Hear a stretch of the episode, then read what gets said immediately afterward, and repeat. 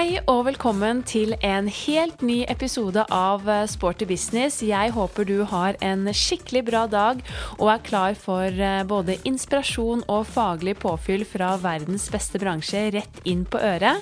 Jeg heter Eva Katrine Thomsen og driver Inspartum Akademi, som produserer denne podkasten.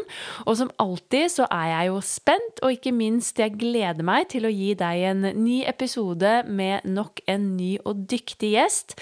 Det er eh, skikkelig skikkelig stas at akkurat du lytter til eh, Sporty business. Og senest forrige uke, da jeg deltok på idrettsfagseminaret på Lillehammer, så møtte jeg faktisk flere av dere som var faste lyttere, og det setter jeg utrolig stor pris på. Denne podkasten hadde ikke vært mulig uten deg og dere som eh, hører på. Og den er jo laget nettopp for eh, deg også, at du kan få påfyll, input, inspirasjon akkurat der du befinner deg.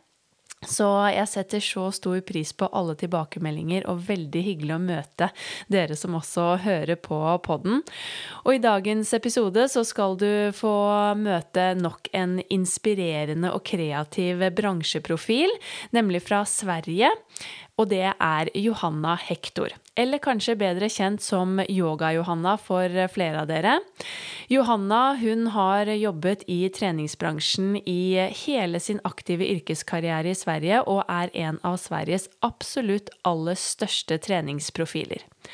Jeg ble kjent med henne første gang gjennom Nike Blast Convention i Globen for mange år siden, og har siden den gang fulgt med henne i sosiale medier. Møtt henne på en rekke ulike conventioner og events, og også tatt min egen yogalærerutdannelse gjennom global yoga, som Johanna har startet. Og det var jo spesielt da gjennom denne yogautdannelsen også at jeg er blitt enda bedre kjent med henne. Og selv om mange kanskje forbinder henne eller kjenner henne da som Yoga-Johanna, så er hun også kjent for så veldig mye mer i bransjen. Hun har vært innom det absolutt eh, meste i bransjen i Sverige, og er eh, ekstremt innovativ, kreativ og dyktig. Og jeg lar meg i hvert fall inspirere av eh, denne rå gründeren og alt hun får til. Eh, så derfor gleder jeg meg til at du også nå kan bli enda bedre kjent med Johanna og la deg inspirere, og også av det nye begrepet hun eh, introduserte for meg i eh, denne episoden, nemlig begrepet work in, for det ble i hvert fall jeg veldig inspirert av. Hjertelig velkommen til Sporty business Podcast, Johanna. Det er utrolig hyggelig å endelig ha deg med i eh, podden. Det er faktisk mange av våre gjester, og også lyttere, som har ønsket seg deg i podkasten. Men vad kul! En ära att få vara med. Så väldigt hyggligt att vi äntligen fick det till. Jag hade ett litet hopp om att jag kanske skulle komma med en tur till Sverige, och att vi kunde spela in detta live. Men tiden flyr, så ett uh, hyggligt möte genom Zoom som vi har blivit eh, uh, godt vant med de sista åren. Men för de som inte känner dig lika gott uh, som mig kan du inte börja med att bara berätta lite om vem är Johanna? Eh, jag tar det på Sporty Business-temat då. Mm. Och eh, på det temat eh, är mitt namn Johanna Hector. Jag driver Global Yoga där vi utbildar yogalärare inom Norden, framför allt Sverige och Norge. Vi har också onlinekurser och ett litet bibliotek med klasser online. Sen eh, driver jag en online klubb, träningsklubb som heter Soul Work Club tillsammans med min man. Och sen så håller jag också eh, fasta klasser på High Yoga i Göteborg. Samarbetar ganska mycket med eh, SATS, hjälper dem ta fram eh, koncept, utbildningsmanualer, eh, material och så vidare. Har eh, lite retreats då och då. Eh, gillar att vara på sociala medier och dela med mig av eh, små tips och glimtar in i mitt eh, liv. Och sen så har jag tre barn och eh, två katter och jag bor söder om eh, Göteborg. Ja. Hektisk vardag med andra ord, och varierat. Ja. ja. Men jeg har jo fått med meg på sosiale medier at dere har jo flyttet. Så ja. du har jo kommet inn i helt nytt hus. Trives du? Det ser veldig, veldig fint ut der. Ja, det har varit min dröm sen jag eh, mm, började drömma. Jag har alltid drömt om att få kliva rakt ner i havet och att få sitta och titta på solen när den går ner i horisonten över havet. För mig är det en av de största rikedomarna. Det var en dröm som under otroligt stor del av mitt liv kändes ouppnåelig. Eh, men idag och eh, ja, för bara några månader sedan så blev den sann. Mm. Att, eh, ja, jag, jag får gåshud än idag och jag känner mig... jag blir helt nervös, eller vad ska man säga? Jag rodnar mm. vad jag tänker på det. Det är som när man är du vet, kär ja, ja. Och, och, och får bli tillsammans med den man är där stört förälskad i. Den känslan, kommer du ihåg det? Ja. Fantastisk. Men eh, du jobber jo med veldig mye ulikt eh, innenfor trening og bevegelse. Men eh, hva er din egen sånn faglige bakgrunn eller utdannelse? Min utbildning ja. inom? Oj, ja, så många. Jag tror att jag har gått i alla fall en 40 till 50 olika utbildningar. Jag går nog minst två utbildningar per år ja. och gör en idag kort så började det med att jag, jag började undervisa dans när jag själv var 14 år gammal och eh, jag dansade sju dagar i veckan på en dansstudio och fick eh, förfrågan om jag kunde börja undervisa barn. Så då gjorde jag det. Eh, sen jag blev lite äldre så utbildade jag mig inom SAFE. Mm. Detta var 2000, tror det var. Och så blev jag aerobic-instruktör via SAFE. Och eh, så blev jag eh, certifierad fitness-yoga-instruktör. Sen eh, gick jag vidare inom Les Mills. Så eh, jag utbildade mig inom body balance, body jam och body pump. Och blev sen också anställd av Les Mills mm. att utbilda Les Mills-instruktörer. vilket har tagit mig runt till många olika träningsstudios i Europa, vilket har varit jätteroligt. Ehm, Sen utbildade jag mig till personlig tränare och coach eh, via Eleiko och eh, Paul Check. Ja. Eh, och eh, ja, sen har jag fördjupat mig i många olika, jag har läst på universitetet eh, med kommunikation. Eh, jag har studerat entreprenörskap mm. med inriktning mot hälsa på universitetet i Varberg. Eh, och sen har jag gått jätte, jätte, jätte, jättemånga yogautbildningar. eh, mycket i New York, mycket i Los Angeles eh, och eh, den senaste tiden också ganska mycket online, vilket mm. har varit fantastiskt i och med att jag har tre barn just nu och jag vill inte vara borta ifrån familjen i så många månader. Eh, så då är det väldigt fint att kunna gå och studera med mina lärare online. Ikke sant. Men vad är mm. den sista utbildningen du går nu då? Åh, den senaste utbildningen som jag gick nu var inom um, coaching uh, Diamond Approach. Ja, vad är det för mm. något? Eh, ja, men vad ska man säga? Det, jag, jobb, jag kallar det för soul surfing. Eh, inom Diamond Approach pratar man om inquiry, så det, det, handlar väldigt mycket om att eh, lära känna sig själv. För mig är det både spirituellt, själsligt, psykologi, coaching, att ta sig hem till sin essens, att veta vad jag vill, vad är mitt varför, vad är min drivkraft, vad är mina rädslor. Så det är ett sätt att eh, att bli coachad och att coacha sig själv. Ja, spännande. Men hur mm. ser vardagen din eh, ut eh, då med alla dessa olika projekten och jobben? Eh, alltså för, för mig är ju alla i essensen samma sak. Så att, för mig känns det väldigt naturligt.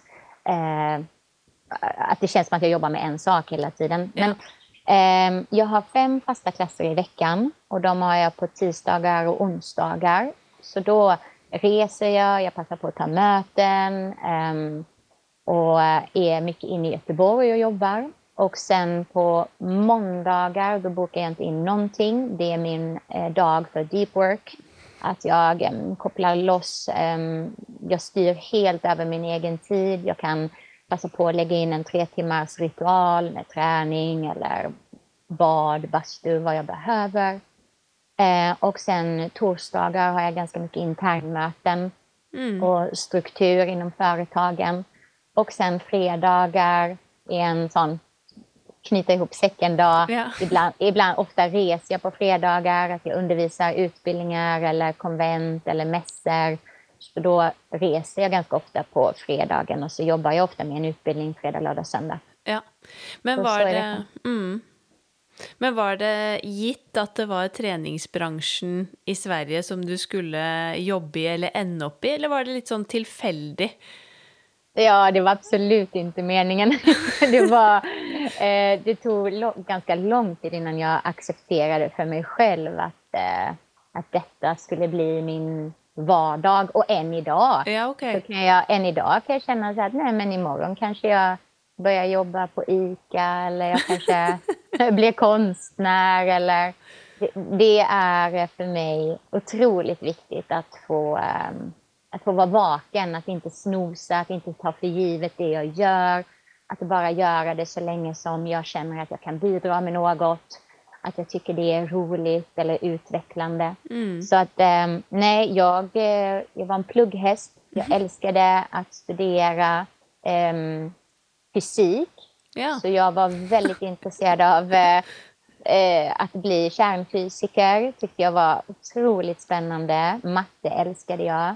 Så jag trodde väl länge att jag skulle bli någon sån här viktig på något stort kontor eller så. Och så började jag undervisa yoga lite av en slump. Mm. Eh, jag har alltid gillat att röra på mig och ehm, eh, yogan var, det, ja, var love at first sight.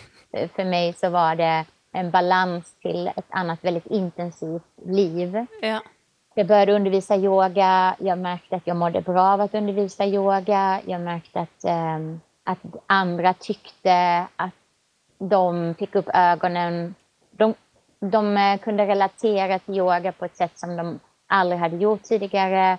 Den vanligaste kommentaren som jag får än idag av deltagare är att wow, jag trodde inte yoga var för mig. Nej. Men kan yoga vara så här så, eh, så ska jag ge det en chans. Och för mig är det ett kvitto på att jag ska fortsätta göra detta. För det finns fortfarande så mycket dogmer, så mycket motstånd, så mycket missförstånd kring yoga. Så att jag känner att det finns så mycket kvar att göra. Mm. Så, så länge det finns det så kommer jag nog fortsätta att jobba med detta. Ja. Men är det sånn eh, i Sverige också att eh, du blir spurt om ja, du ska inte få deg en ordentlig jobb i sånne gåsetegn som jag gör på skärmen nu, eller vad ska du göra när du blir vuxen? Alltså att det att jobba i träningsbranschen inte helt blir ansett som en ordentlig jobb? Nej, jag upplever inte det längre. Men, det, men jag tror nog det har mer med mig att göra än utan det är nog med att jag är mer trygg mm. i att jobba med det jag gör. Och jag umgås med, väldigt, med mycket framgångsrika människor. Jag har vänner som har drivit upp enorma bolag som tjänar otroligt mycket pengar, som på pappret är väldigt framgångsrika, men som ändå saknar den här pusselbiten som är det viktigaste i sitt liv, vilket är hälsa. Mm. Och det kan man inte köpa sig till med pengar. Och hälsa är någonting som kräver dagliga rutiner. Så jag känner mig så otroligt lyckligt lottad i att om man skulle jämföra vår framgång så på pappret kanske inte jag ser lika framgångsrik ut. Men om man tittar på livet som en helhet så befinner jag mig på en plats där många andra väldigt framgångsrika människor drömmer om att vara. Mm. Och för det är jag väldigt, väldigt tacksam och jag, jag ser rikedomen i det. Ja. Och därför, därför känner jag mig väldigt, väldigt framgångsrik. Mm, så fint sagt. Veldig godt poeng. Men hva er det som virkelig driver deg da i hverdagen din og gjennom alle disse prosjektene og jobbene? Hva er liksom motivasjonen og passion? Och jag tänker ofta på det. Um, jag vet inte, det är någon barnslig lekfullhet att, att jag, kom, jag, jag, jag tycker det är så kul att få skapa. Och ja. att få skapa jag får ofta frågan om, jag, om varför jag inte skriver en bok eller om jag borde skriva en bok. Men jag är så totalt ointresserad av att göra det. jag älskar att, att, eh, alltså, jag tycker dagens samhälle, du vet, vi kan ha film, vi kan ha ljud, vi kan ha bild, eh, inte bara ord. Och att få göra onlinekurser eller att få skriva en manual som jag just nu håller på med som ska vara till en utbildning där jag ska få träffa människorna, vi ska få läsa denna tillsammans. Eh, det finns plats för dem att skriva själva så att manualen blir till mm. tillsammans med dem. Jag tror det är det mötet, att, att jag får sitta och skapa någonting och att det sen får bli till liv hos en annan människa.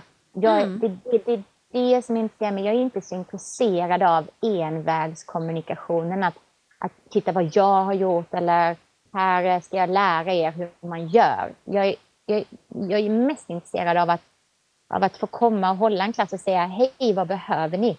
Mm. Vad, vad är, var är det det skaver? Var är det, vad är det vi kan hylla? Vad är det vi skulle kunna stärka? Vad behöver du? Eh, och sen är det inte alltid att jag har svaren, men att, att den här liksom gemenskapen, det är det som verkligen motiverar mig till att till att fortsätta skapa utbildningar, mm. kurser. Ja. Jeg kan kjenne meg veldig igjen. Jeg også elsker å ja, skape og lage ting. Og egentlig veldig fint som du sier det, og at man ser at det kommer til liv, og at du kan mm. glede andre med det, eller at de kan lykkes videre, eller at man kan hjelpe dem frem, da, som uh, virkelig er det som også motiverer meg. Og jeg syns jo det å få lov å holde kurs eller utdanninger og alle de type tingene er jo det som er aller mest givende i løpet av året. Eller treningsreiser, altså med masse takknemlige deltakere, og hva man kan gi dem som de kan ta med seg seg hjem igjen. Men du mm. er jo genuint opptatt av bevegelse, og jeg vet at du er en enormt stor inspirasjon for veldig mange, inkludert meg selv.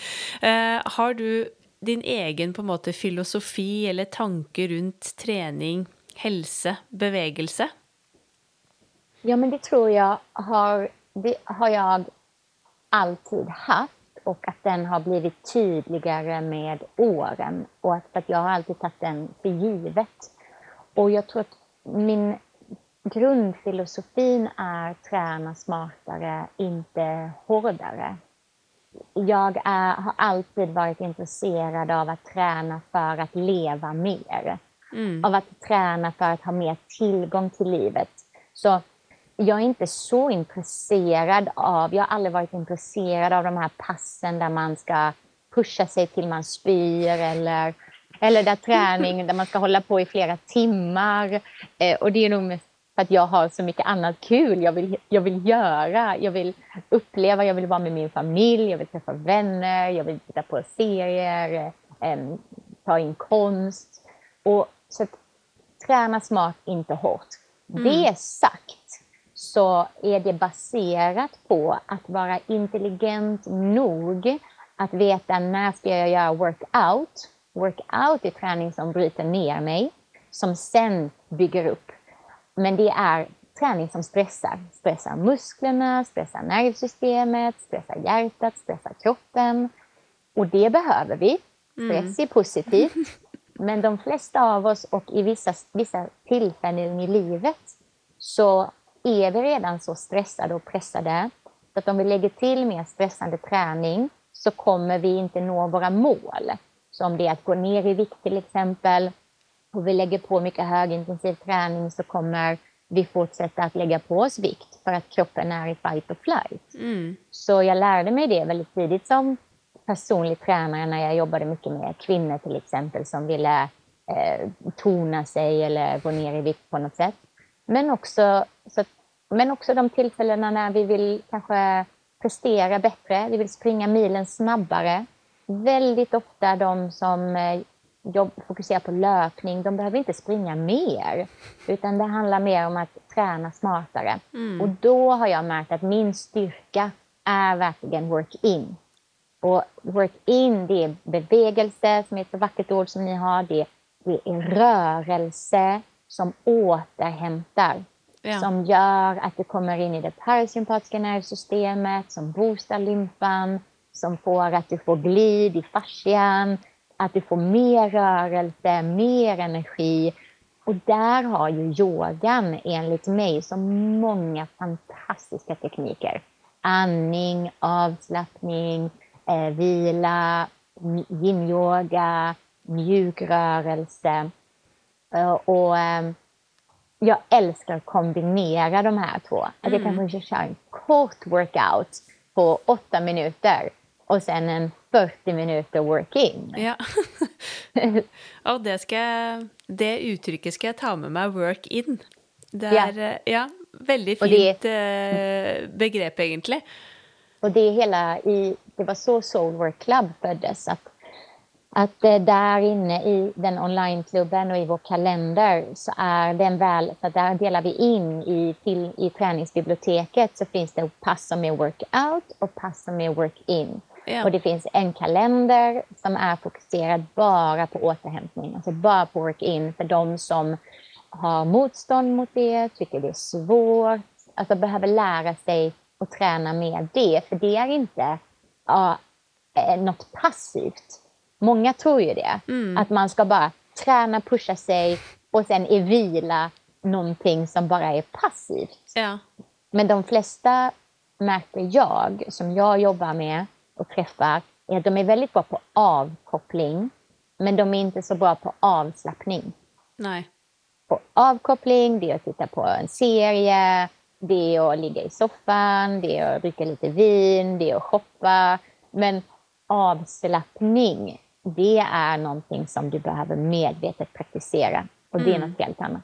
Ja, jeg kjenner meg igjen, for det er ofte jeg gjør noe helt annet enn jobb og det jeg vanligvis gjør, og så tenker jeg fordi at hodet får slappe av, fordi jeg gjør noe annet enn det jeg er vant til, så tenker jeg at å, nå slapper jeg av. Men jeg gjør jo egentlig ikke det, for jeg er i full fyr eller holder på med et eller annet annet eh, Ja. hele tiden. Så det er jo et godt eksempel på at jeg, jeg kobler av, for jeg har ikke på jobbhodet, eksempel. Men kroppen er jo i, i gang og kanskje gjør noe fysisk, eller at jeg eh, j- jobber med noe annet, og så tenker jeg og tror med meg selv at jeg slapper av. Ja. og lurer meg selv litt. Och så gör de flesta av oss och jag älskar avkoppling. Jag älskar Ja. avkoppling. Jag tycker det är bara att eh, steg ett som du gör, att du blir medveten om det eh, och tillåter. Och sen steg två är att eh, det är svårt att slappna av. Och det är okej. Det är inte dig det är fel på. Men man får tänka så här, men hur mycket avslappning har du tränat egentligen? Ja. Nej, inte så mycket. Men då är det inte så konstigt att det är svårt och att du, du har motstånd mot det. Det är ju som om du skulle börja springa ett maraton utan att ha tränat. Alltså det, är, ju- det är träning som allt annat. Så att vi behöver vara snälla mot oss själva och förstående. Ja, ja, akkurat. Jeg har en eh, veldig dyktig fysioterapeut, og han sier blant annet det at eh, når jeg har lært kroppen min å la det sympatiske nervesystemet bare få lov til å fyre og kjøre på hele tiden, så vil også det kjempe og kjempe for å fortsette å fyre når jeg prøver å slappe av. Eh, Sånn at da må man jo lære kroppen for å bevege seg ut av de dårlige vanene og faktisk da koble på det parasympatiske nervesystemet og klare å lande og roe ned. Och eh, det jag jobbar mycket med, de som har svårt med detta, alltså som man är högpresterande, driver företag, är kreativ, gillar fysisk träning, det är att, det är att du kan också mäta din återhämtning. Det, för ofta går man igång på siffror och resultat.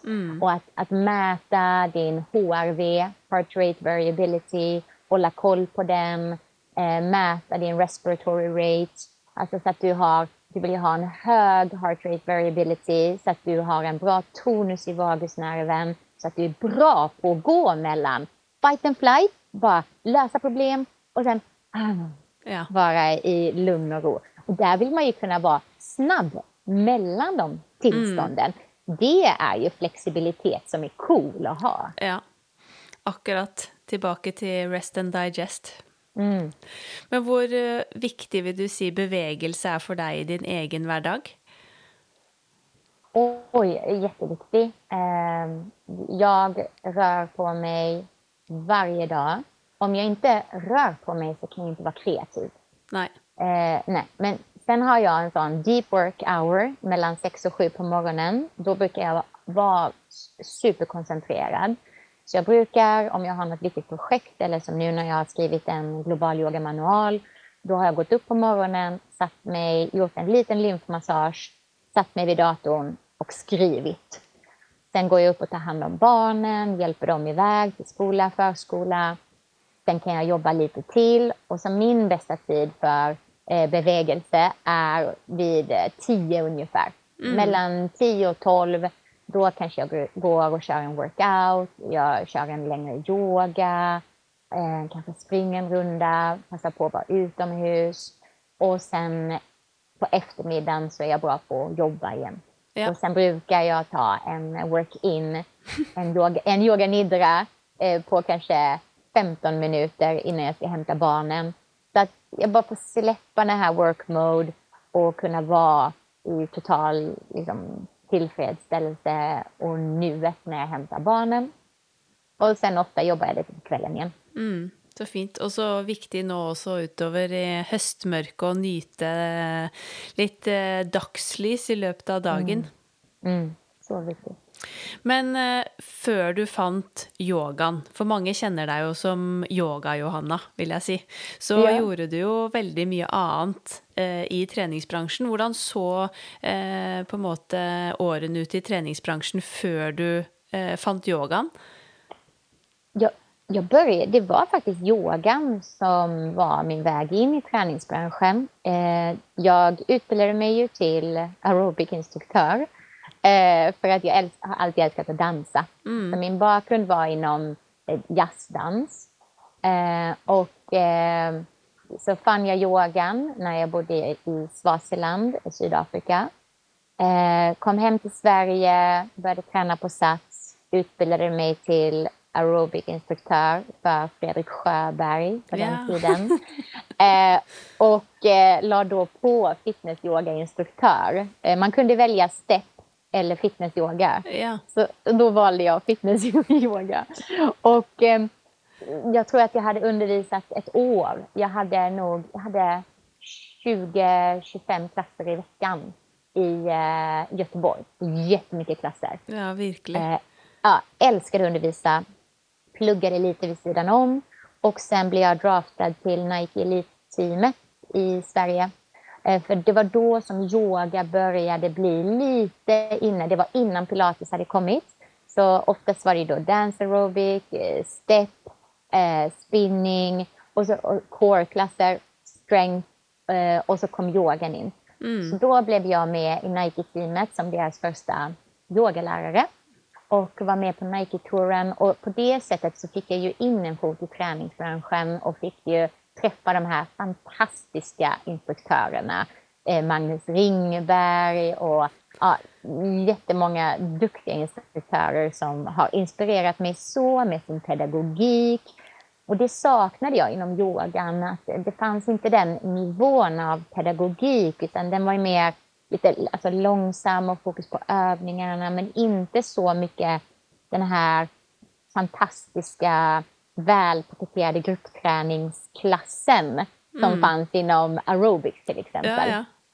Så jag blev jätteinspirerad av eh, instruktörer som Niklas Modig och Per Markusen och Magnus Ringberg i sitt sätt, och Fredrik Sjöberg i sitt sätt att instruera, i sin pedagogik i sitt sätt att bygga klasser som nästan som en superbra Hollywoodfilm mm. där det är liksom intro och crescendo och sen outro och allt det där. Så det inspirerade mig eh, till att skapa yogaklasser eh, på det sättet. Och, ja. eh, och sen så höll jag också core-klasser och då fanns det inte funktionell träning riktigt än. Alltså vi är nu inne på kanske 2004, mm. 2005. Så det här med functional training hade inte kommit ännu. Eh, men då började jag instruera en klass som jag kallade för eh, Free. Ja. Och eh, den döptes utifrån att jag hade ett möte med Nike och de skulle lansera en ny löpsko som hette Nike Free. Och eh, då ville de att jag skulle ha den på mig och göra ett pass. Jag tänkte, men då kan jag inte ha ett yogapass. så då föddes Nike Free, eh, som var en, vad ska man säga, nej, men en eh, funktionell träningsklass. Eh, jag hade studerat med Paul Check då, som jag tyckte var väldigt inspirerande. Och jag hade börjat jobba med kettlebells. Mm. Eh, just för att få in lite mer explosivitet i, eh, i, i, min träning, inte bara det här långsamma yogaflödet. Så då instruerade jag ganska mycket sådana klasser, core-klasser, funktionell träningsklasser. Jag jobbade också med Les Mills redan, så att jag mm. instruerade också body balance. Dansen kom tillbaka för mig med body jam. Jag var aldrig någonsin bra som aerobic-instruktör. Jag sög på det. Jag var så dålig. Jag fattade aldrig hur man skulle bygga klasser. För i, dans, I dans så bara instruerar man hela koreografin på en ja, gång. Ja. Och i aerobic skulle man bryta ner. Så det aerobic var inte min styrka. Jag har undervisat spinning, har jag undervisat. Jag har inte undervisat step. Nej. Annars tror jag att jag, jag har undervisat vattengympa. Nej, men jag har undervisat allt förutom step. Jag har undervisat boxklasser. Jag älskade Forza. Kommer du ihåg Forza? Ja, vad var det igen? Jag husker... Maria Linghult, hon körde det här eh, svärdet. Ja, här stämmer det. Ja, ja. ja. Så det, och jag tror att också att i och med att jag fick vara med i Nike-teamet så fick jag influenser från hela världen. Och det var en sån otroligt rolig tid i träningsbranschen för det var hög nivå på kreativiteten, på klasserna, menar Nike Convention i Stockholm. Vi hade ju enormt fina klasser. Jag fick bjuda in eh, Yoga Girl, eh, mm. Rakel Brothén. Jag var ansvarig för yogaschemat eh, och fick jättemånga fina kontakter. Vi hade Ido Portal, vi hade Charles Poliquin, vi hade ju jättemånga, så vi hade mycket inflytande. Och vi, jag skulle säga att men i Norden och Sverige framför allt skulle jag säga vi hade så otroligt hög nivå på gruppträningen. Ja, väldigt. Jag vet inte hur många gånger i löpet av ett år jag tror jag nämner eh, Nike Convention i Globen. Är det så? Vad kul! ja, ja. För det var ju den tiden hvor alltså, Nike Convention var ju det man måtte på i løpet av ja. året. Og jeg husker vi gledet oss jo så fælt og måtte jo booke inn helgen idet vi fikk datoen. Og da var det jo også flere år eh, Nike Convention her i Oslo, på Ullevål ja, på, ja, der har jeg også vært. Ja. Mm, på Atletica Domus, hvor jeg jobber. Og det var jo det var helt magisk. Altså, Globen ja. var jo noe helt for seg selv. Ja. Eh, og det var så trist når det var over. Og det har på en måte påvirket bransjen litt, vil jeg si, at man ikke har de store eventene, og sånn som Nike-teamet, for alle eh, dere, og som du har nevnt, det var jo, i hvert fall husker jeg når jeg kom inn i treningsbransjen og som ung, så dere var jo mine store idoler. mm. eh, og var jo med på teamene og lot meg jo inspirere og tenkte åh, det er så, så god må jeg bli. Eh, og dro hjem stadig med noe nytt og hadde lyst til å utvikle meg, og det syns jeg er litt synd nå, for vi har ikke helt de store møteplassene lenger, og man får ikke da heller noe å strekke seg etter, eller kanskje de ambisjonene.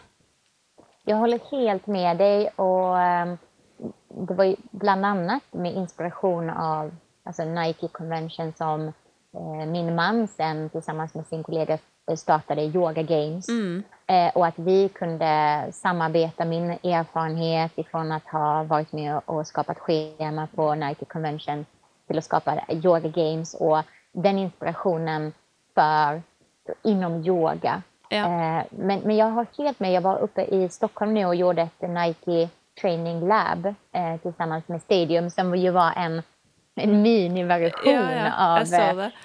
Och det var lite samma människor som vi fick chansen att jobba med och det var liksom som en reunion. Åsa Fornander, Maria Olofsson, eh, jätte, Madeleine Fernandez, jätteduktiga tränare och, som håller än idag. Och det mm. jag också känner är att, och vi tittade runt och alla som lyssnar på den här podden, så vill säga, alltså reach out, vi behöver varandra för att det är inte så, alltså vi letar ju, jag letar hela tiden så här, okay, up and coming trainers eh, som vill gå mentorskapsprogram, som vill utvecklas, som kan ta över, mm. eh, som vill utveckla branschen. Eh, och ja, jag tycker det är viktigt. Jag tyckte det var så fint att få ha mentorer och få se upp och bli inspirerad. Det är det som gör att jag än idag kan jobba med detta, tycker det är roligt och ser att jag har så mycket kvar att lära mig. Jag ser mig absolut inte som färdig eller klar. Nej, nej. Nej, og det, det, var jo Nike-team, ja. Både i Sverige, Danmark vi, Altså Norge ja. hadde jo sitt eget Nike-team, og de også var jo store stjerner i treningsbransjen her hjemme i Norge, og vi syns jo det var eh, så stas. Så det er veldig Trist at det har forsvunnet, men eh, kanskje en dag så kan vi få noe lignende tilbake. Men jeg husker også en liten digresjon, men eh, på Nike Convention i Globen så var det faktisk eh, yogatida, altså globalyoga elements Husker du den på scenen? Ja. Storscenen. Ja. Eh, hvor faktisk Frøydis Hansvik også, uten at jeg visste det, var på scenen. Det var før vi ble kjent. Men eh, det var faktisk en av de første yogatimene hvor jeg personlig likte yoga. Ah, eh, og gjorde at jeg husker jeg tenkte at oi, kan dette også være yoga? Eh, litt mm. som du sa innledningsvis, eh, som gjorde at jeg begynte å bli nysgjerrig på um, globalyoga. Og så møtte jeg jo um, Therese Furudal, nå Hidén, eh, og vi hadde jo treningsreiser sammen, og hun er jo også da utdannet gjennom globalyoga.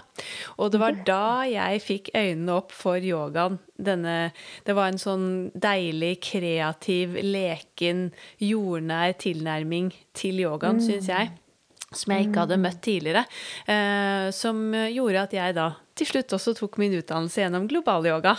Så Vad det var kul. faktisk eh, elements på, i Globen som ah. var litt eh, startpunktet. Vad kul! Och jag som sitter just nu Elementsklassen är ju baserad på chakra. Mm. Men att göra det mer tillgängligt, att man ska inte behöva veta något om chakra. Det, det ska bara kännas så här naturligt och eh, välkomnande.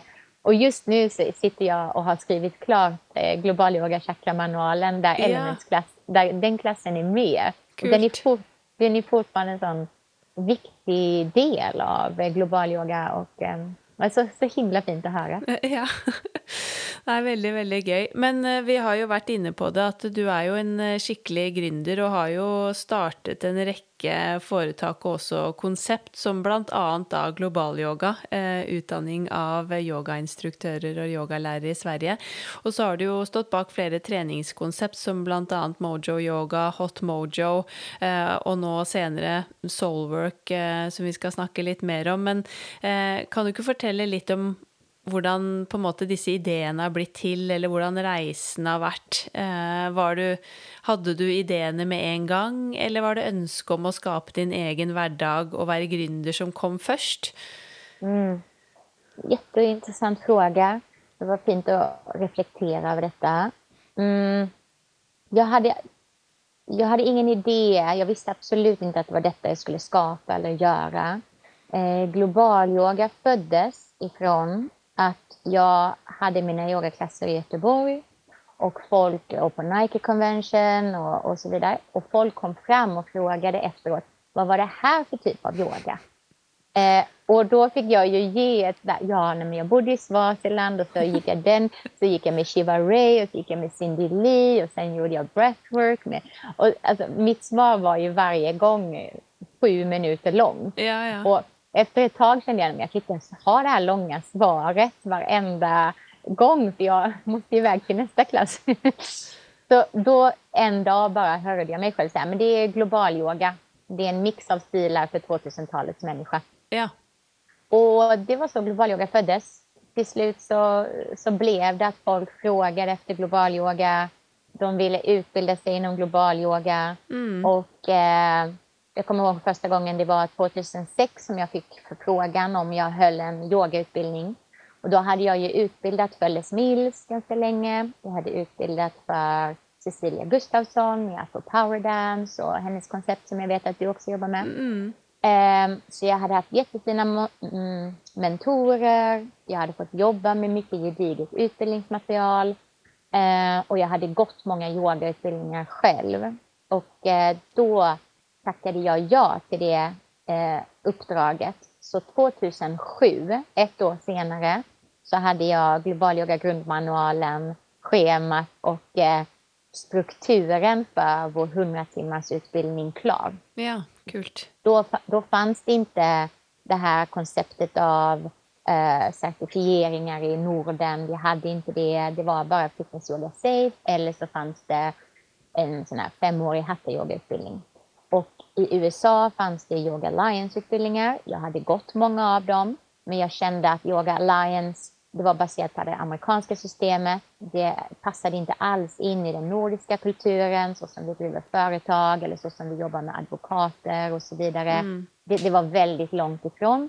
Och sen hade jag också studerat med British Wheel of Yoga, andra sådana här certifieringsprogram. Så jag insåg att alla har ju bara skapat sin egen lilla certifieringsprogram. Så jag kände att jag behöver skapa något som är centralt och relevant för branschen i Norden. Mm. Och det var så global yoga-certifieringen föddes och som vi har kvar än idag för att den är så framgångsrik och håller måttet så himla bra. Ja. Um, så att um, det var så global yoga föddes. Så föddes utbildningarna. Och det är väl så det fortsätter att, uh, att fyllas. Efter ett tag så märkte jag att uh, när, när det bara är jag som håller utbildningen så kommer den alltid vara färgad av mig. Mm. Och det tycker jag är ganska ointressant. Jag har alltid velat att global yoga ska inte vara förknippat med Johanna Hector. För jag är inte för alla. Jag är inte allas yogalärare. Och då blir global yoga också begränsat. Ja. Global, global yoga får först vingar och röst när den får undervisas av många olika röster. Och så växte global yoga-teamet fram. Det tyckte jag också var inspirerande med Les Mills till exempel, att man kunde gå på samma body balance-klass men beroende på vem instruktören var mm. så, så var det helt olika upplevelser av passet. Och alla hade sin favoritinstruktör. Ja.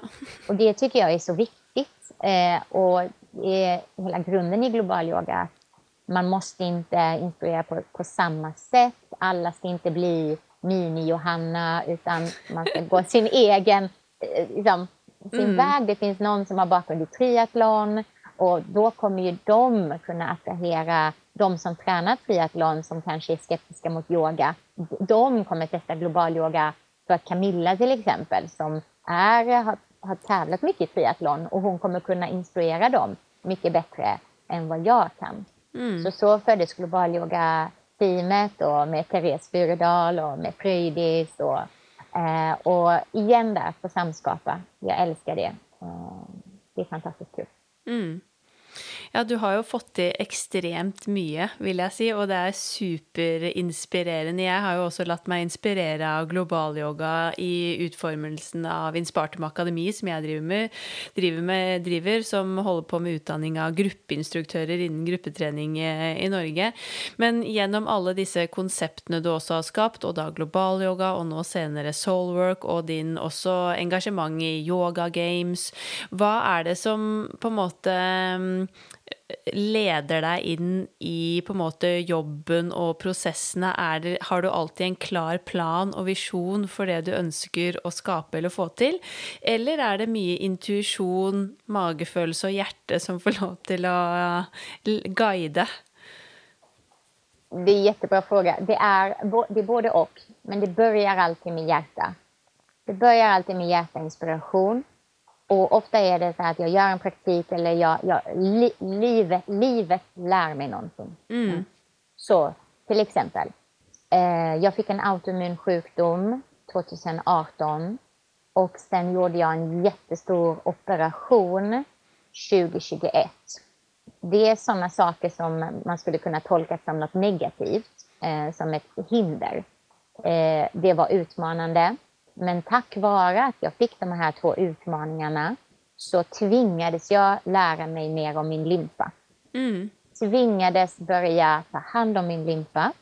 Och eftersom att jag själv har praktiserat alla de här teknikerna med limfan, märker hur otroligt stor påverkan det har på min hälsa, så föddes nu 2022 i oktober lymfyogakursen online. Så det kommer ifrån oftast ett problem som jag upplever, det här funkar inte. Jag, jag börjar själv göra en praktik. Jag är disciplinerad nog att göra den tills dess att jag kan den. Att det har gått minst ett, två år innan jag delar den vidare. Och jag tycker det är viktigt att säga detta för jag ser det som ett problem i branschen idag. Att vi är lite för snabba, och så har det alltid varit. Att vi blir inspirerade av något. Det var redan så på Nike Convention, man såg människor filma klasserna. Man såg människor och sen nästa vecka eh, undervisar de som sina egna. Mm. Och, att, och att man inte har den här, dels respekten för arbetet som ligger bakom, men inte heller intresset av att själv först verkligen förkroppsliga det, känna det, lära sig det och sen gå ut och dela med sig fast med sin röst, med sin kunskap, med sin förståelse. Det tycker jag är väldigt viktigt. Mm. Så det börjar med hjärta och sen så måste jag säga att jag älskar att bygga koncept. Jag tycker det är jättekul som med Mojo eller när Sats frågar att vi ska yoga for athletes eller jag får en sån förfrågan. Så min hjärna funkar så jättebra. Jag är jättebra på att förstå eh, hur jag ska koncepta det så att det ska bli ett bra upplägg. Jag tror att det är den delen i mig som skulle blivit regissör egentligen. Ja. Alltså, jag älskar att bygga stories mm. eh, och att göra det lockande, enkelt, tillgängligt.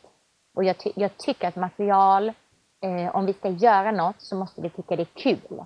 Absolut. Vi måste tycka att det drar oss in. Annars kommer, det spelar ingen roll hur nyttigt det är, vi kommer aldrig göra det ändå. Så jag, jag tror att det är min styrka, att jag har förståelsen och konceptar det. Men jag har aldrig konceptet klart först. Nej. Utan, utan först är det ett behov eller en passion och sen får den landa i mig. Och det är ofta ganska jobbigt det är en jobbig tid. Så vi, jag vill inte försköna den kreativa processen är messy as fuck. Uh, yeah. uh, det är jättejobbigt. Jag, jag, jag hatar den delen. Det, det, det kan jag skriva under på. Jag känner du lika? Ja, ja.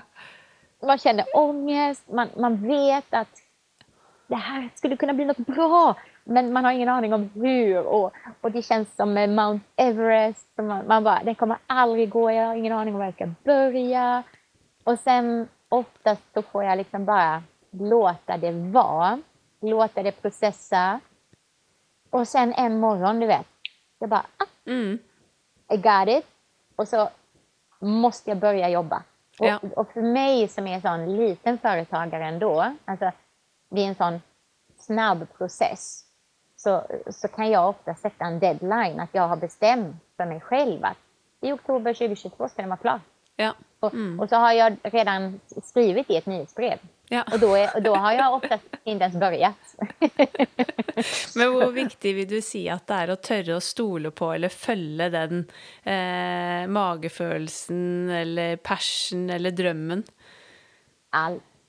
Det är allt. Jag menar, eh, så länge man gör det så kommer det aldrig kännas eh, man kommer aldrig komma ihåg att det var jobbigt. Man, man, kommer alltid känna den här enorma tillgången till energin. Mm. Och då, det spelar ingen roll då om det var fem personer eller fem tusen som tog del av den, för att jag är tillfredsställd. Ja. Då, då kan jag genuint säga att om detta berör en människa, för att jag fick så mycket i processen jag lärde mig så mycket i processen av att följa min dröm. Så att när jag väl har nått min dröm så är den liksom inte... Alltså det är inte så intressant. Hela resan var tillfredsställelsen. Mm. Så jag skulle mm. säga att det betyder allt. Virkelig. Jeg syns jo også du er utrolig nyskapende og veldig sånn dagsaktuell og kreativ med det du skaper. Og det siste er jo Soulwork, som du nevnte innledningsvis. Eh, og det er jo ikke helt nytt, men eh, det er det seneste, vil jeg si. Eh, men eh, kan du ikke fortelle da litt om hva er det egentlig? Det föddes ifrån min längtan att göra träning eller rörelse eller bevegelse, som är ett så bra ord tycker jag. Ja. Att göra det lustfyllt, juicigt, sexigt, sensuellt och samtidigt funktionellt. Jag har alltid upplevt att man har lite behövt välja. antingen har det varit mer så här zumba eller så har det varit mer så här, det här är funktionell träning, det här är bra för dig, det här är så. Och, och jag har känt, men, men kan vi få ihop dem på ett sätt?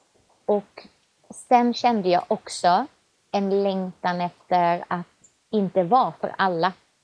Um, mycket av vårt undervisande i branschen handlar om att det ska passa alla, det ska vara för mm. alla.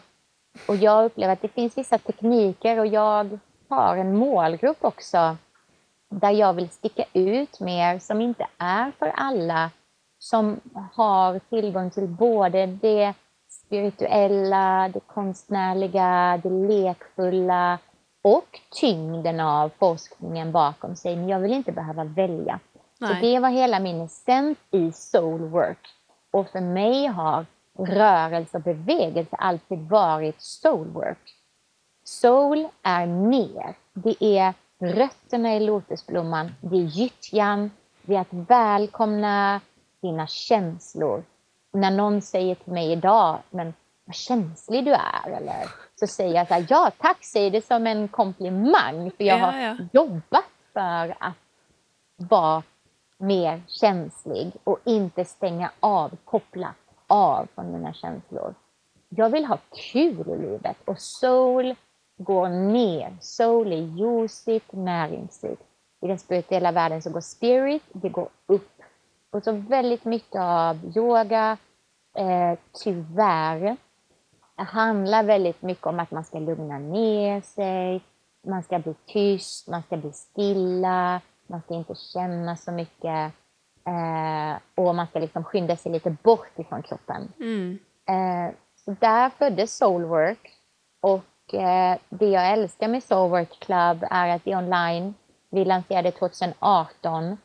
Ehm, jag var medlem på massa olika online-sajter. Mitt problem var att det var lite som, du vet när man har en dålig dag på Netflix och man ska gå in och man har ja. inte en serie man följer. Och så tänker man så här, men nu ska jag kolla på något bra. Och så bara surfar man och ju mer man kollar desto bara sämre känns allt. Och till slut så har det gått en halvtimme ja, ja. och man har inte... Ja. Så jag, jag upplevde det att nej, människor behöver inte fler val. Människor behöver hjälp att bara veta så här, idag ska jag göra det här, klick. Idag ska jag göra det här, klick. Och det är hela basen i Soulwork Club, att du får en kalender där du tränar smart istället för hårt. Du får resultat av din träning, du mår bra av din träning, du bygger muskler, men du återhämtar dig, du tonar din vagusnerv och du gör alla de här sakerna fast du behöver liksom inte kunna något om det, du behöver inte veta om det. Passen är alltifrån 6 minuter till max 30 minuter långa. Du kan göra det vad som helst, när som helst. Ja. Det er tilfredsstillende träning. Mm, kult. Så om folk är nyfikna på soulwork, var eh, eh, leter de da, holdt jeg på å si? Soulworkclub.com. Ja. Har dere egen eh, Instagram också, eller sociala medier, eller? Ja, jättebra. Ja. Soulwork Club at, på Instagram också. Och, och där är, det, det, är så mycket, där är mycket en mat är en viktig del, där är soul food. Så jag har börjat laga mat, ja. Eh, recept. Så det, det, är jättesvårt att filma matlagning. så det har jag lärt mig. Uh, via soul surfing, det jag pratade i början av podden, det här med inquiry. Mm. Att veta ditt varför. Uh, det tycker jag är en jätteviktig del när det kommer till träning. Att veta vad det är du vill. Många, många tränare idag vågar inte säga sitt syfte med träningen. För det är så mycket skam. Mm. Beroende på vad man är, alltså i vilken krets du rör dig. Så i vissa kretsar är det fint att säga att nej, man tränar för funktion eller man tränar för att må bra. Och de senaste åren upplever jag att det har blivit ganska skamfyllt att säga att man tränar för att eh, vara snygg. Ja, ja, Ja. Och jag tycker det är så synd för att många innerst inne tränar kanske för att vara snygga men de skulle aldrig våga säga det. Nej, alltså, nej. Så att, att ta bort allt det här dömande och så länge det kommer från en plats som är kärleksfull och inte destruktiv. För vi kan aldrig träna utifrån självhat. Men om vi tillåter oss själva att vilja ha allt det vi egentligen vill ha, mm. då blir det inte destruktivt, utan det kan istället bli kärleksfullt och det i sig blir hälsosamt, blir läkande på riktigt. Ja. Och det, det skulle vi ju kunna ha ett helt poddavsnitt om. Ja, ja. Hälsa inom hälsobranschen. Virkelig, så enig. Men uh, hva er dine egne tanker og ønsker om uh, fremtiden, da? Hva, hva, tror du kommer å skje, eller har du noen tanker om hvor du selv ønsker å være om alt fra fem eller ti år fremover i tid? Å, hva ønsker jeg da? Mm. Jag önskar, jag önskar önskar att det kommer en ny generation. Jag tycker att du är en del av den. Inom, alltså jag önskar mer plats för den nya generationen inom hälsa, eh, inom sporty business, eh, som är nytänkande. Alltså jag ser fram emot att se vad nästa generation global yogis, eh, soul workers eh, kan skapa. Och jag, jag, jag hoppas på mer gemenskap. Jag kan uppleva nu, att det är ganska vassa armbågar, att man inte ger så mycket cred till varandra. Eh, det är någonting jag saknar. Det är så fint inom yoga. Traditionen är att man alltid tackar sin lärare, att man alltid mm. säger och, och Shiva Ray inspirerade mig till den här elementsklassen och den föddes så. Så det kan väl jag, jag kan hoppas om att vi kan inse att vi är starka tillsammans att vi kan lyfta varandra och att det i sig ger oss mer eh, cred. Mm. När, när, vi kan credda varandra. Ja, um, absolut. Ja, så jag, är med, jag är nyfiken på, jag är jättesugen på att stötta andra up and coming. Um, jag känner inte själv att jag, jag är mer intresserad av att liksom ta ett steg tillbaka uh, och ge ge mer utrymme för de som är på väg fram i branschen och skapa någonting och hoppas att jag kan få vara en mentor, att jag kan mm. få stötta på de vis jag kan. Och så har du ju fått eh, drömmehuset vid havet. Det kanske är det. alltså, jag får luta mig tillbaka, pensionära mig. ja. Men uh, har du några tankar om hur du tror branschen kommer att ändra sig framöver i tid? Vad vi kommer att se mer eller mindre jag, jag, tror att vi kommer att se eh, mera samarbeten framåt. Att eh, det här samarbeten mellan det fysiska och det digitala, att, att det kan föda varandra. Jag tror också att vi kommer se mer samarbeten inom teknologi och fysiologi. Att, att vi framför allt innan var det så in och mäta våran eh, puls på ett spinningpass och, mm. och sådär. Och jag tror att nu att vi kommer se jättestort mätningen mer. Vi ser det redan lite med aura-ringen och Whoop och att mäta återhämtning.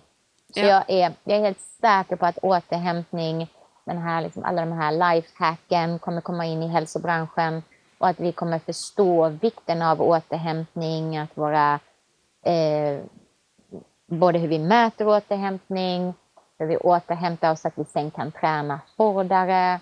Um, att det blir den största nästa trenden i, uh, i mm. hälsan.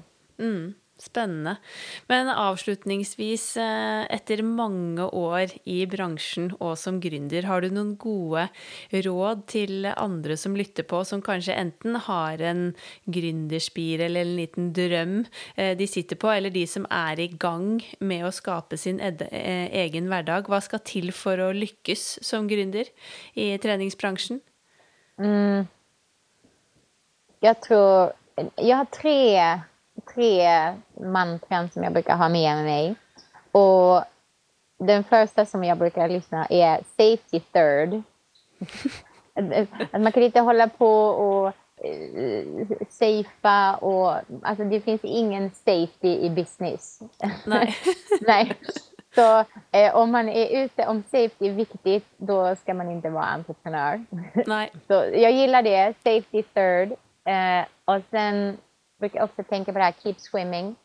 Att eh, det finns en teori om eh, Red Water, Blue Water. Eh, och Blue Water Business, det är att det, det, har lite med det här att göra också, att man kan inte sitta på saker för länge utan att våga eh, gå vidare. Alltså våga hitta det som du brinner för, där det kanske inte är så många andra i branschen som har vågat satsa. Mm. Så eh, det är inte lönt, kopiera inte folk som, alltså, som redan gör det. Gör inte någonting som redan finns exakt likadant. Eh, det är liksom, uppfinn inte hjulet igen. Gå och leta efter blue water. Red water, det är där alla stora hajarna redan är. Det är där de väletablerade företagen redan är. Alltså, det är inte lönt. Du kan inte tävla med det. Du behöver hitta någonting som är helt unikt för dig och vara specifik i det och våga trycka på vad är din styrka, varför är du unik med det här? Eh, och det, det blir du bara när du praktiserar din craft mm. eller det du ska undervisa så att det rinner över. Att du kan bara inte hjälpa, du kommer märka det. Sitter du på en middag och pratar om någonting som du är passionerad över utan att du ens tänker på det, då, då är det någonting som kommer från hjärtat, som du brinner för att dela och som du kommer kunna dela i din business mm. framgångsrikt. Mm. Så det är jätte, jätteviktigt, den keep swimming, jag tycker är väldigt viktigt. Och sen att inte ha så höga kostnader. Det är också en jätte, jätteviktig sak. Att inte sitta på massa fasta höga kostnader. Inte lägga i dagens samhälle. Det är så, det är så lätt och kul att skapa business. Eh, men, men lägg inte massa pengar innan du har några tydliga intäkter. Nej. Det är bättre att ha en enkel hemsida. Lägg inte massa tid på Instagram och göra snygga poster och marknadsföra dig. Eh, om, om du inte redan liksom, har genuina följare eller utan ut och kommunicera. Jag tror vi behöver det mer än någonsin. Inte den här bara polished så att det ser... Det, det finns så många som ser successful ut. Ja, ja. Eh, men om man sen bara tittar på deras, på företaget hur det går så är det minus, minus, minus, minus. För att man har lagt jättemycket tid och jättemycket pengar på att få det att se bra ut eller ha snygga citat eller ha... Alltså, jag ska säga, nej. Gör jobbet, håll ner kostnaderna och, eh, och sen så kommer det gå bra. ja, for det er jo veldig mye man kan få til med lite kostnader i starten. Selvfølgelig litt avhengig av hva man skal starte, da. men hvis man skal starte noe for en selv, eller det er kursvirksomhet, eller det er trening, helse, jobbe som eh, konsulent eller eh, veileder, trener, uansett, så tenker jeg at det er mye man kan få til med lite i starten, og så heller begynne der, og så bygge stein for stein og adde på etter hvert. Ja, för då kommer du att kunna vara lätt på foten. Så mm. när pandemin kommer, när räntorna höjs, när och krig, alla de här sakerna, då kommer du kunna skala ner din business och sen kommer du kunna skala upp den. Jag tycker det är bra råd att vara flexibel i ditt företagande. Att ganska snabbt kunna skala ner om du behöver det och sen ganska snabbt också kunna skala upp så att du har en strategi för hur det ser ut i ditt företag. Mm. Um, Virkelig. Nei, det er superinspirerende å få lov til å skravle sammen med deg, Johanna. Virkelig. Eh, og vi kunne jo ha fortsatt som jeg kunne med så mange gjester i poden, og bare fortsette å skravle og skravle. Men vi skal begynne å runde av. Eh, jeg lurte på, har du noen gode ideer eller tanker om en inspirerende person som jeg kunne ha intervjuet i eh, podkasten? Som du själv kunde kanske tänka dig att höra? Oj, och så många. Och jag kollade lite snabbt eh, igenom. Du har ju haft så otroligt många eh, duktiga eh, företagare och inspirerande människor. Jag hade tyckt det var... Har du haft Fredrik Sjöberg? Nej. Nej, du måste du ha Fredrik. Ja. Jag säger Fredrik. Fredrik, Fredrik, Fredrik! Ja, han är grym. Det hade ja. varit jättekul att lyssna till honom. Honom hade jag lyssnat på. Ja, det er et veldig godt tips, faktisk. Han også var eh, en av mine store idoler når jeg var på convention. Det er jo fælt å si det, men det føles jo nesten litt som gamle dager. jag saknar det. Jag har en dröm och då måste du fråga folk. Jag säger så, kan vi inte bara göra en liten sån till? Ja, en ja. sån till där vi får gå på de klasserna och inspirera varandra. En sån old reunion. ja, det var, det var, flere år siden så møtte jeg Tony Stone, blant annet. Det var på NIH Convention. Og da sto vi og snakket, og så han bare Ja, alle savnet Nike Convention i Globen. Ah. Også alle presentørene. Så ah. jeg tror det hadde blitt en uh, heidundrende reunion hvis vi hadde ja. fått det til. Ja. Kanske inte så många yngre, men vi hade ju varit där. Ikke sant. Men det er jo gøy at eh, Nike og Stadium har jo hatt litt eh, events i Sverige, har jeg sett. Og også under pandemien hadde dere jo bygget, jo, ble det jo bygget sånn kjempe utendørs på måte treningssenter. Det var superkult. Ja, det var jätteroligt. Och jag, jag, menar, jag gillar The Good Old Times, men samtidigt som jag sa tidigare också så är jag så spänd på att se att få vara med och skapa lite i framtiden, men också välkomna. Alltså, jag har ju tre, tre barn själv och tycker det är jättespännande att kolla med Leonie som är nio. Alltså, vad tycker hon är kul, inspirerande? Vad kommer komma? Hur kommer de eh, vilja träningsbranschen ser ut? Vad kommer vara viktigt för dem? Eh, och jag tror att varje mm. generation man behöver få göra sin resa och förhoppningsvis får vi vara med och vara som mentorer eh, Eh, på ett konstruktivt sätt. Mm, virkelig. Ja, det blir kjempespennende å følge utviklingen eh, videre. Og jeg gleder meg veldig til å fortsette å følge deg også, alt det kreative og nyskapende du eh, får til. Så tusen hjertelig takk for at du tok deg tid, eh, Johanna, og ville dele litt av lidenskapen din og tankene med oss i Sporty Business. Oh, my pleasure, and ära att få vara med. Vilket fantastiskt jobb du gör också. Så jag är så tacksam. Tusen hjärtligt tack. Tusen takk for at du nok en gang trykket play og viet din tid til eh, Sporty business. Det setter jeg utrolig stor pris på. Husk at du også kan bli med i eh, Facebook-gruppen vår også, med navnet Sporty business, og følg oss gjerne på Instagram at Sporty business podcast. Kom som alltid gjerne med innspill og ønsker om gjester, og jeg blir også veldig glad for tilbakemeldinger og ratings. Om to uker så kan du se frem til å møte professor og forsker Gøran Paulsen fra NIH i Sporty Business, hvor vi skal snakke om det utrolig spennende og ikke minst viktige temaet restitusjon. Så det er det bare å glede seg til. I tillegg så holder vi en Spartum Akademi kurs i temaet trening under og etter graviditet førstkommende lørdag 5. november på Atletica Domus i Oslo med dyktige Mathilde Pilskog i spissen. Og det er fortsatt noen ledige plasser, så ønsker du som PT eller instruktør å bli trygg i hvordan du skal guide kvinner i trening under og etter svangerskap, så kan jeg absolutt anbefale dette kurset. Du finner mer informasjon på inspartum.no under fanen utdanning. Vi poddes igjen om to uker. Ha en strålende og sporty uke. Denne podkasten produseres av Inspartum Akademi og North Stories.